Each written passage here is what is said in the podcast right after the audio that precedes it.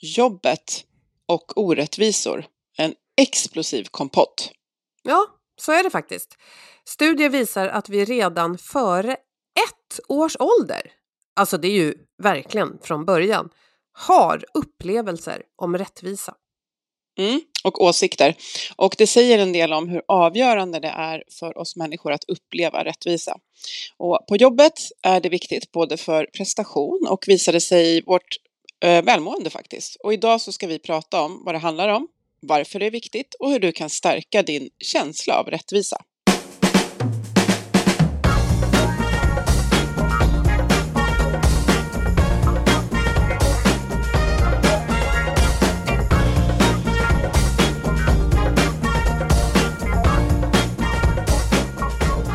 Det gör vi i Health for Wealth där vi sedan 2016 på våren har poddat om hälsa på jobbet eftersom människor som mår bra kan prestera bra. Och för att må bra behöver vi goda samarbeten, rätt resurser, handlingsutrymme och trygga ledare som har tid att leda. I podden tar vi ett helhetsgrepp på det här med hälsan på jobbet. Vi är Ann-Sofie Forsmark, hälsostrateg, ledarskapskonsult och jag driver organisationen Oxigroup. Och Boel Stier som jobbar med kommunikation och marknadsföring. Varje vecka delar vi inspiration, idéer och tips för ett bättre och mer hållbart arbetsliv. För dig som är chef, ledare, för dig som jobbar med HR och alla medarbetare såklart. Mm, jag tyckte det var intressant den här studien från Göteborgs universitet där man då ser att väldigt, väldigt små barn eh, har en upplevelse om att liksom, om rättvisa, jag tror att det har att göra med vad man får eller inte får vissa saker. Men eh, hur reagerar du Boel? Det finns ju så många olika situationer, men, men när du upplever orättvisa för dig? Mm. Orättvisa för mig, eh, det kan också vara för andra naturligtvis eh, mm. omkring mig. Jag blir väldigt, väldigt, väldigt, väldigt arg. Mm. Precis. Så är det. Ja. Och jag vill inte vara med. Nej. Och du då? Samma. Ja. ja, men det är samma, verkligen. Och eh, eh, verkligen sådär att när det andra blir nästan, alltså jag kan nog miss, inte märka själv kanske om jag blir orättvist behandlad kanske någon gång, men ser jag andra bli det så blir jag helt va, alltså vansinnig. Alltså det, det, det kokar över och det var det vi menar med inledningen, att det är explosivt. Ja. Och det visar sig att det är en väldigt, väldigt grundläggande värdering som de flesta har när de tänker efter, att det ska vara, det ska vara rättvist. Man kan väl också koppla det här till eh, sånt som vi har pratat om mycket i podden, att vi människor då till skillnad från andra djur har ju de här för, väldigt speciella förmågan att samarbeta och det har ju format oss som, som, eh, som art.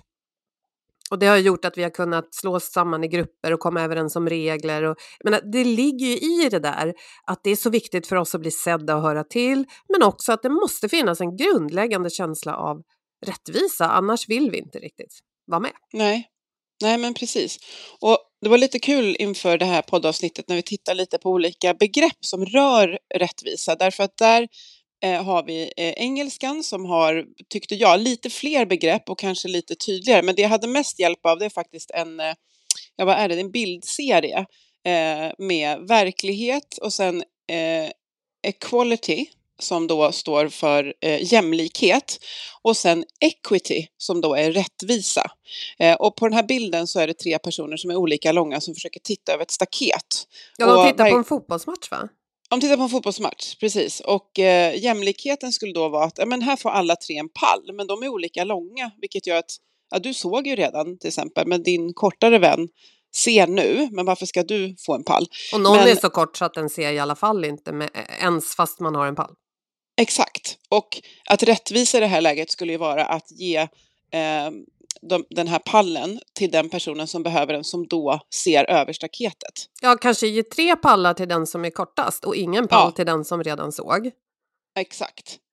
Eh, och ja, precis, att om man, om man liksom kommer bort från begreppsförvirringen, men rättvisa handlar liksom inte om någonting är rätt eller fel, utan det handlar om hur någonting är i förhållande till någonting annat. Så till exempel så kan jag säga att ja, men jag tycker att alla har rätt till lön. Men jag tycker att lönerna är orättvist fördelade på det här företaget. Jag tycker att du har rätt till lön, men du har, du har för det är orättvist hur mycket lön du har i jämförelse med med mig. Mm. Där är liksom rättviseaspekten. Just det, ja, men det, det är en bra... Jag tyckte också det var intressant att konstatera hur engelskan har fler nyanser här. För den här bilden som du berättar om då, då är det fyra lägen. Eh, en där de inte har någon pall alls och då är det bara en som ser över staketet på den här fotbollsmatchen. Eh, och, och, det kallar de för reality, vi, vi kan kalla det för krass verklighet. Och, och ett exempel då, för jag menar den här fotbollsmatchen är ju väldigt talande men om man tittar på samhället kan man ju se det som att i vissa länder så är det bara barn med föräldrar som har råd som skickar barnen till skolan. Och fattiga människor är ofta ganska rättslösa mot de som är rika. Mm. Precis. Så det är Och- utgångsläget. Ja. Ja, och då kan man tycka att det är, ja det blir ju orättvist. Eh, Det är verkligen orättvist. Ja, Där finns liksom inte ett orättvist. spår av rättvisa. nej. Men sen nästa steg då, det som på engelska heter equality, då kan man ju säga jämlikhet på svenska. Ja, men skolexemplet, ja men då, då gör vi som i Sverige, alla har rätt till kostnadsfri skolgång. Eller att alla har samma status inför lagen, på papper i alla fall. Och då nästa steg, eh, ja men då, då är det ett ord här som jag tycker är spännande på engelska, equity. Och jag valde att översätta det med rättfärdighet, för det, vi har en nivå till för att komma till rättvisan. Men här händer ju några intressanta saker, till exempel den som är eh, funktionshindrad och inte kan röra sig får en rullstolsramp. Ett barn i skolan som behöver extra stöd får det. Eh, hamnar du inför lagen på ett eller annat sätt så får du stöd även om du inte har råd att betala för det. Och det skulle man kunna kalla för rättfärdigt, för sen har vi det här med rättvisa, det är nästa steg och där är det lite andra grejer som har hänt, eller hur Annie? Eh, ja, men du får nog fortsätta ditt resonemang här, för Ja. det känns som att du har tänkt Jag tar den i mål. Ja, jag, Jag tar den i mål. Ja. Jo, men då när vi då konstaterar att rättvisa ska gälla, då behöver vi komma åt andra saker. Så även om vi har rullstolsramper och resurslärare i skolan och eh, juridiskt stöd till den som blir åtalad för någonting, så har vi sånt som rasism, sexism, diskriminering av olika slag. Vi har kanske domare som frågar en våldtagen person, vad hade du på dig? Mm. Och vi kanske har barn som trots att skolgången är gratis plockas ut ur skolan av sina föräldrar för de klarar inte försörjningen. Och Mm. när vi har kommit till rätta med det här då har vi tagit bort barriärerna för rättvisa. Vi har inte bara gett folk pallar och så vidare för att prata bildligt. Och, och det här är ju, det är ju nästan utopiskt, men i många platser i världen, bland annat i Sverige, så har vi kommit en ganska god, eh, ganska god väg tycker Millions of people have lost weight with personalized plans from Noom, like Evan, who can't stand salads and still lost 50 pounds. Salads, generally, for most people, are the easy button, right? For me, that wasn't an option. I never really was a salad guy. That's just not who I am. But Noom worked for me. Get your personalized plan today at Noom.com. Real Noom user compensated to provide their story. In four weeks, the typical Noom user can expect to lose one to two pounds per week. Individual results may vary. Worried you'll need to babysit your robot vacuum? Think again. Meet Eufy X10 Pro Omni Robot Vacuum with AI powered navigation to recognize and avoid over 100 objects. It's the winner of five Best of CES awards. And Digital Trends says it boasts almost all the same features as robot vacuums that cost twice as much. Want to know more? Go to eufy.com. That's EUFY.com and discover X10 Pro Omni, the best in class all in one robot vacuum for only $799. Mm, jag tror att det till och med står någonstans i typ regeringsförklaring, alltså det är liksom grundläggande att det ska vara, eh, att det ska vara rättvist. Eh, så, jag, jag, ja, det är intressant och, och hur du har reflekterat kring de där begreppen. För mig när du säger rättfärdig, jag tänker att det är någon typ av, det är någon typ av, det är nästan som ett verb. Det är det jag håller på med Mm. eh, för att jag, jag håller på och rättfärdigar den här rampen, vilket är väldigt enkelt för att jag, bara, jag, jag kommer inte upp här, jag är rullstolsburen och jag behöver, eh, jag behöver komma upp. Exakt, jag, jag Mm. gör något som är rätt för att åtgärda ett problem, men jag har inte tagit bort alla de här barriärerna i samhället. Nej, och eh, vi, vi, kan hoppa till det faktiskt, för det är en intressant del i det här med rättvisa, att vår, eh, vår kunskap och vår förståelse om situationen är väldigt viktig för vår upplevelse av rättvisa. Därför att om jag inte Eh, ja, men till exempel om jag, alla vi ska vara på kontoret eh, fyra dagar i veckan. Eh, Boel, hon behöver bara vara här två dagar, så finns det ingen förklaring på varför. Mm. Eh, då tycker jag ju att det är orättvist och så får jag en förklaring att det beror på att eh, ja, någonting i din privata situation. Ja, men då kan ju min då ökar min upplevelse av att det är rättvist. Ja. Eh, och det här visar sig att till exempel om vi söker en roll eller en tjänst och så får vi, eh, och så får vi, får vi inte den, Eh, då eh, då kan vi tycka att det, ja men då, då det beror, det beror, det var inte mitt fel. Och sen så får vi en bild av vad det beror på och då känns det inte lika orättvist. Att, alltså det, det säger sig självt egentligen att informationskomponenten i rättvisa är väldigt viktig. För att varför får du allt det där? Och inte jag. Nej men exakt, jag kan ha sökt ett jobb, jag känner mig väldigt kompetent, jag tycker att den här tjänsten är skriven för mig. Eh, och blir jättesur när jag inte får den. Jag tänker att de tycker jag är för gammal, de tycker jag är kvinna och det är dåligt. Men sen får jag höra, eh, och kanske ser vem som fick den och bara oj herregud, ja nu fattar jag. Vilke, oj, de hade ett jätteurval, nu fattar jag att kom, liksom, konkurrensen mm. var väldigt hög. Och då känns det mer rättvist. Och det kan man tänka på både när man är förälder, eller vän, eller chef, eller någon som bara vet att nu fördelar jag en rättighet till någon. Jag tänker jättemycket på det här med hybridarbete, om det är så att det sköts olika. Men jag tänker vi ska ta oss in på arbetsplatsen, eller vi har varit där en stund. Eh, och då Konstans Eib, heter hon, hon har eh, en um, doktorsavhandling på området rättvisa och den är intressant. För den belyser fyra områden som påverkar vår upplevelse av rättvisa på jobbet. Och det första området heter procedural rättvisa, eh, lite sådär formellt, men det handlar om eh, hur fattas beslut här? Hur bedrivs processer, till exempel rekrytering och befordran? Så det talar ju till det exemplet vi sa. Om det känns rättvist, då kommer ju personalen känna sig nöjdare och tryggare med det som sker. Ja, och då finns det också nedskrivna regler som man kan ta del av så man fattar hur något går till. Mm. Och den andra delen är relationell rättvisa och den berör hur medarbetare och chef och medarbetare sinsemellan möter varandra och visar varandra respekt, att vi är rättvisa mot varandra. Det känns som en sån där ja, som vi tar med oss in på arbetsplatsen och därifrån förhoppningsvis, tänker jag. Ja, den är ju självklar att den påverkar oss. Dock är den ju lite svårare att påverka än en skriven policy om hur, hur lönetrappan ser ut. Ja, men däremot så ser vi i, i ledarskapsforskning att det är otroligt viktigt att chefen är rättvis. Och här kommer det här medskicket att vara väldigt, kanske lite övertydlig med sin rättvisa för att släcka ut den här äh, känslan av orättvisa som kan uppstå när det är otydligt. Och sen informativ rättvisa, och den här tror jag det finns mycket att göra med på många håll.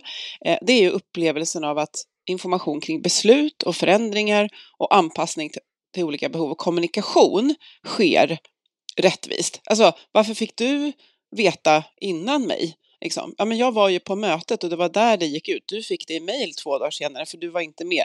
Alltså att det behöver kännas rättvist, för är det någonting som orsakar stress och också i tider av väldigt mycket osäkerhet och förändring eh, så, så kanske det är så. Det är mycket förändring och otydlighet. Men om jag dessutom upplever en orättvisa kring när jag får information, det blir liksom bara värre då. Jo men det här är ju också klassiskt, information är makt säger man och det stämmer.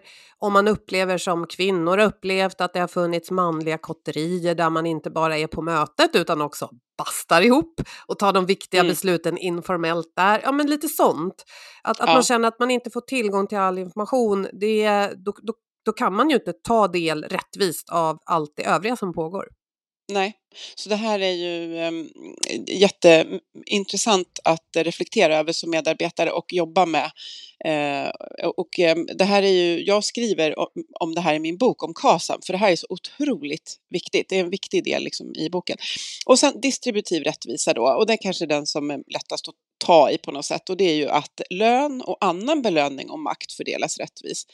Uh, och då är det ju såklart mellan, alltså att vad sinsemellan medarbetare, att jag känner att det är rättvist fördelat. Eh, och här kommer vi in på belöningsmodellen som på engelska heter effort reward. Eh, nu ska vi se här, så ansträngning och belöning. Att jag känner att för den ansträngningen som jag lägger ner på jobbet så ska ju min belöning kännas rättvis. Både gentemot mellan mig och min arbetsgivare. Jag kanske jämför alltså andra i min roll i andra eh, branscher, nej inte branscher, men kanske andra organisationer, de tjänar mycket mer än mig så det är orättvist. Mm. Och jag har lagt ner så mycket tid på det här nu och inte fått något tack. Mm. Och sen då sinsemellan medarbetare. Och när vi tittar på belöning så har vi förstås materiell belöning, alltså lön, befordran, till exempel anställningsform och trygghet. Och sen immateriella belöningar, alltså beröm och den statusen som mm. jag får. Så jag har både det här gentemot min, min arbetsgivare mm. men också sinsemellan kollegor att det ska vara rättvist. Ja, och där kan jag tänka mig att, eller tänka och tänka, vi har ju läst du och jag i en massa böcker och hört från många gäster att till exempel lön, vi behöver ha en viss grundnivå av lön för att känna oss nöjda på jobbet. Men eh, effekten av det som en belöning kommer egentligen bara när, när lönen höjs. Sen plattar den ut, men det här att få beröm, uppmärksamhet, eh, ja det kan man kalla för social status om man vill, att bli sedd. Mm. Där får man ju direkt effekt av den ja. Eh, ja, uppmärksamheten hela tiden och det kostar ju bara tid. Ja, och de kan ju inte ta ut varandra. Jag tänker på när vi skulle gå ut och applådera för alla eh, fantastisk vårdpersonal under pandemin som liksom snarare blev liksom ett litet hån. Mm, höj vår lön oss, istället. Ja, och ge oss rimliga arbetsförhållanden ja. for God's sake. Ja.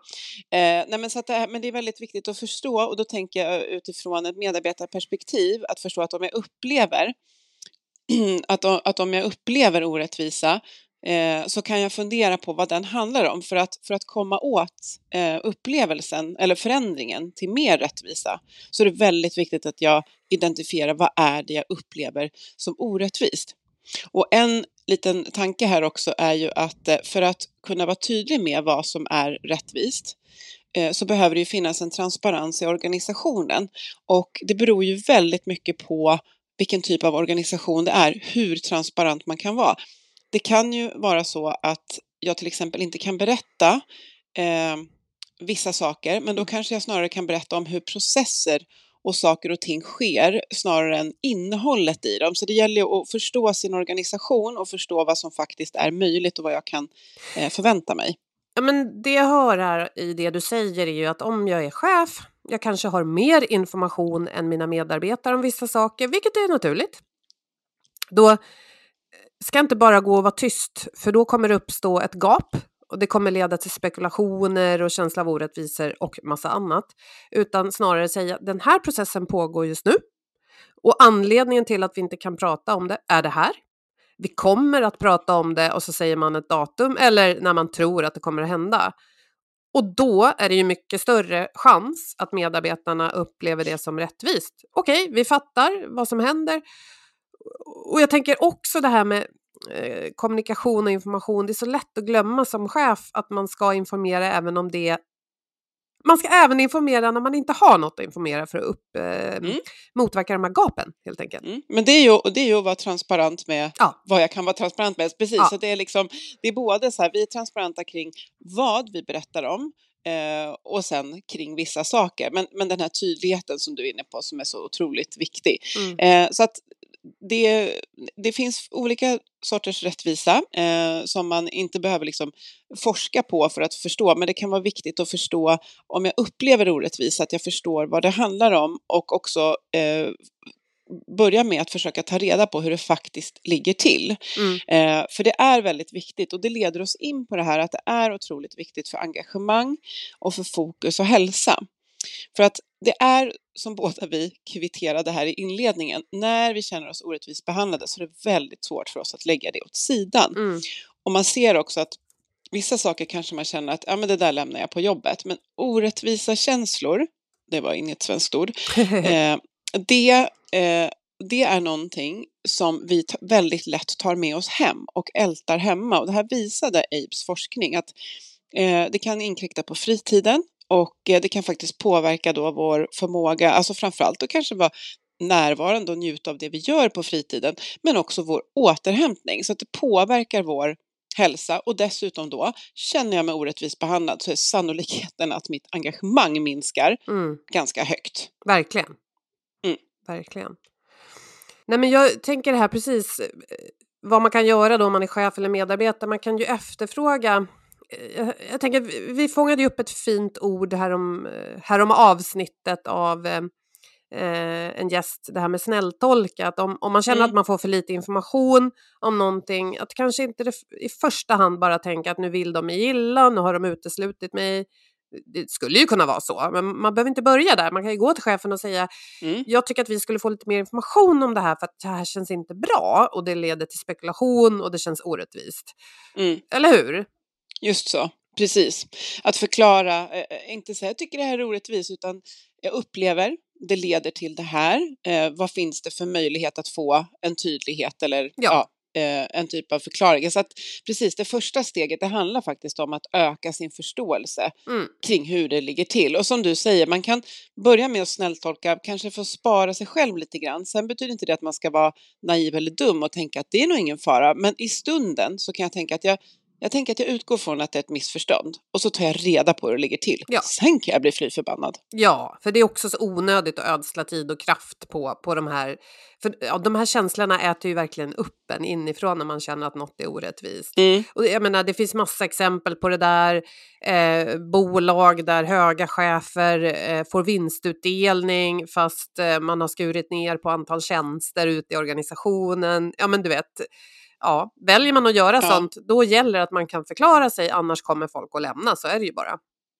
Ja, men precis, att ta reda på hur det ligger till och sen förklara eh, vad som händer när man upplever orättvisa. Förhoppningsvis känner berörd chef eller vem man nu pratar med eh, igen det här att ja, men det där kan jag förstå. Mm. Eh, men jag tänker att det finns några saker som man kan titta efter i organisationen som är vad ska man säga, framgångsfaktorer för att, att skapa en upplevelse av, av rättvisa. Mm. Eh, och, och, det första är just det här att ledningen informerar information och, om bakgrund och argument för beslut som fattas och hur saker och ting går till. Och det kan ju vara allt ifrån att de gör det i sittande möte, men det kan också finnas på det beryktade intranätet, så man kan behöva söka och läsa sig till det för att det kanske inte går att kommunicera kring hur vi rekryterar och befordrar hela tiden, men någonstans ska det finnas tydlig information om det. Ja, och är det saker som är uppe på tapeten så är det ju viktigt att alla chefer ute i organisationen tar upp saker på möten hela tiden.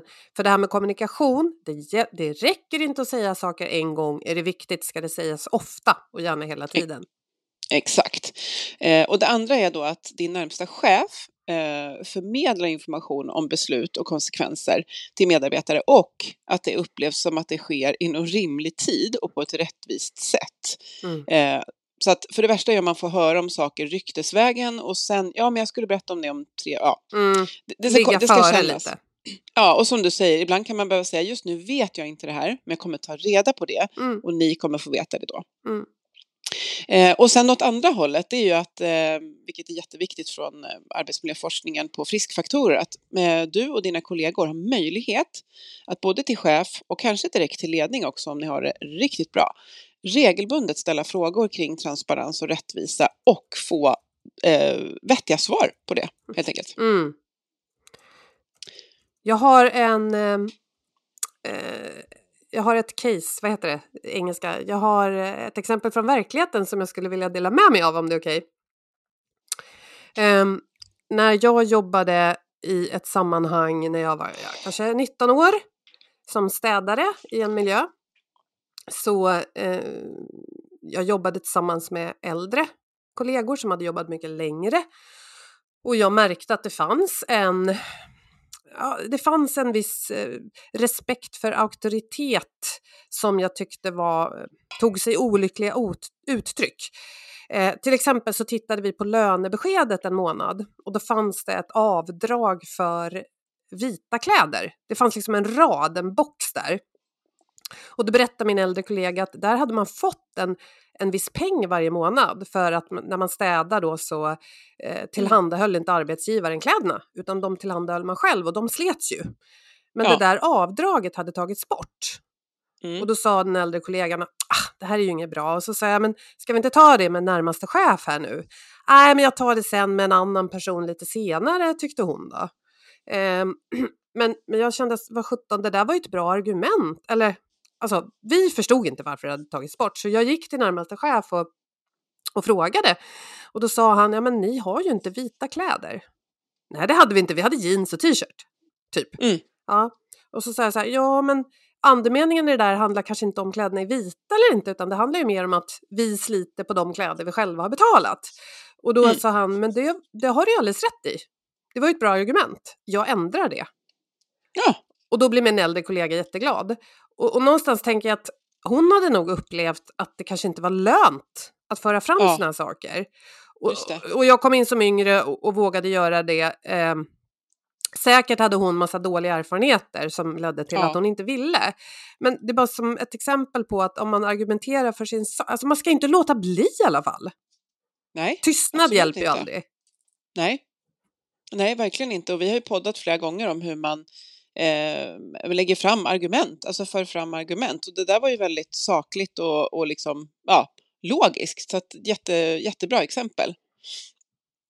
Och precis, och, det, och just det här att kunna lägga fram och lägga fram argument för rättvisa, det, eh, det finns ju så mycket forskning bakom det här som vi har varit inne på idag, så förhoppningsvis tas det emot och känns viktigt. Mm. Eh, en annan viktig sak i ledarskapet, eh, det är att eh, chefen har förmågan att hålla isär sina egna åsikter och uppfattningar. Det kanske var lite det den här chefen gjorde här också, Mm. eh, från sitt ledarskap. Alltså att eh, respektera och stötta medarbetare att föra fram synpunkter kring transparens och rättvisa. För ofta har ju naturligt chefer ibland en mer inneboende, eh, alltså ökad liksom, autonomi och inflytande och så vidare. Mm. Eh, och att då kunna vara budbärare vidare för medarbetare eller Ehm, vad ska man säga, ta hand om att stärka rättvisan för medarbetare. Och det ligger ju i att vara omtänksam som chef. Ja, du tänker till exempel att om mina medarbetare upplever något som orättvist så säger jag att okej, jag hör vad ni säger, jag tar det vidare upp i organisationen, jag kan inte utlova ett visst resultat, men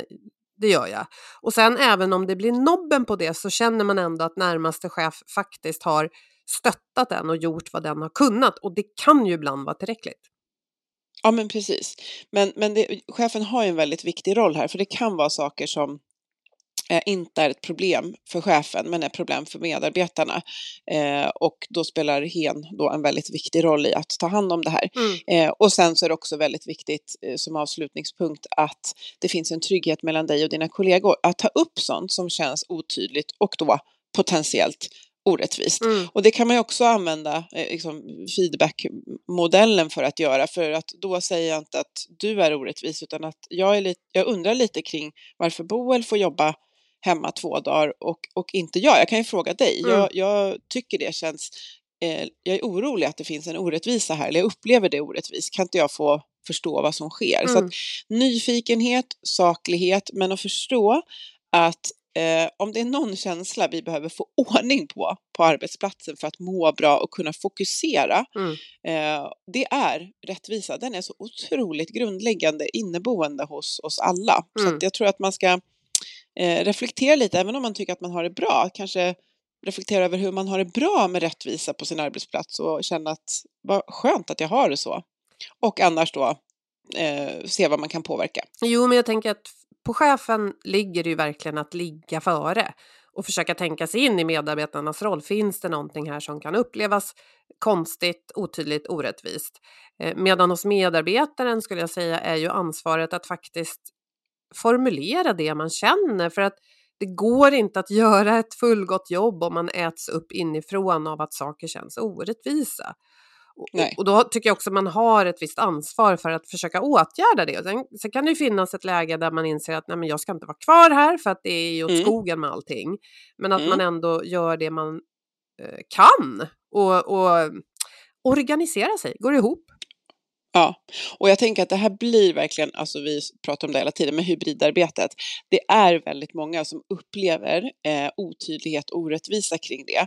Och man kan tycka vad man vill om man, vad, vad man ska ha rätt till, men att förstå att om jag sitter hemma, eller snarare kanske oftast då på kontoret, på arbetsplatsen och tycker att det är orättvist, då är det väldigt viktigt att förstå att det här är inte bra för organisationen och det är inte bra för mig och vi behöver eh, ta itu med det. Mm.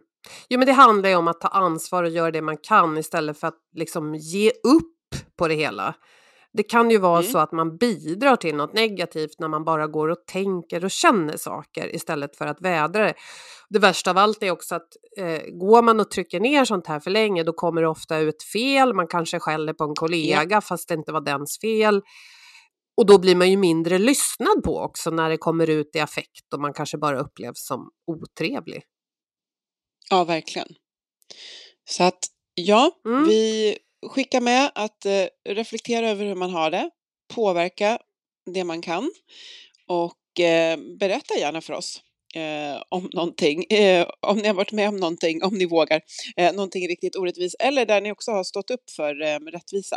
Ja Eh, men det vore väldigt verkligen, det vore jättekul. Och vi snackar ju alltid på LinkedIn, en gång i veckan publicerar vi kring våra avsnittssläpp. Och du får jättegärna kontakta oss i kommentarsfältet därför det är kul om alla kan bidra. Eh, och är det något du inte vill Ja, är det något du vill berätta anonymt så skicka ett direktmeddelande på till exempel LinkedIn. Så eh, Ja. det skulle vara jättekul och, och kul och kul, intressant att höra både om positiva och negativa erfarenheter. Och sen tänker jag så här, det är ju så här att min dator har ingen ström så jag kommer behöva lämna lite tidigare. Men Ann-Sofie, när innan Mm. jag lämnar över till dig här så kan inte du berätta lite om den här boken du nämnde? Vilken bok? Den du skriver. Ja, snacka om förnekelsefacit. Det ska jag göra. Jag gör det. Jag tar över här då och, eh, och avslutar. Tack så mycket Boel. Jag är tacksam att din dator höll ut så här länge som den gjorde. Jag med. prata ja, om det här stora ämnet rättvisa. ja, jaha, då fick jag liksom eh, scenen för mig själv här på slutet. Nej, men jag eh, skriver ju en bok om, om KASAM just nu. Och eh, det, det, blev, eh, det blev ett innehåll som jag visste om att jag skulle ha, men det här var någonting som verkligen landade hos mig när jag gjorde research inför boken och efterforskningar. Eh, hur otroligt viktigt rättvisa är för vår känsla av sammanhang, för känsla av meningsfullhet, men det påverkar också vår hanterbarhet eftersom det påverkar vår hälsa så pass mycket. Så att det är faktiskt en ganska stor del i boken, eh, eller en, en viktig del i alla fall, som handlar just om rättvisa och också hur man kan påverka rättvisan på sin arbetsplats och eh, lite av det har vi plockat ut och pratat om här idag i podden. Och boken, om allting går bra, kommer ut under våren 2024 och det är väldigt mycket kärlek som är nerplöjt i den. Så jag hoppas att eh, det är några där ute som vill läsa den. Och jag kommer berätta om det förstås. Men tills dess så fortsätter vi podda här varje vecka om eh, viktiga saker som får oss att må bra på jobbet. Och vi gör det med stor hjälp av Ayat Almansour på Hi Hat Sounds som vi tackar för den här produktionen. Och som sagt, som Boel sa, prata jättegärna med oss om allt möjligt. Mer specifikt just nu då om rättvisa, gärna på LinkedIn. Och så ser jag fram emot att vi tillsammans med Boel hörs om en vecka igen. Må så gott där ute. Tack och hej!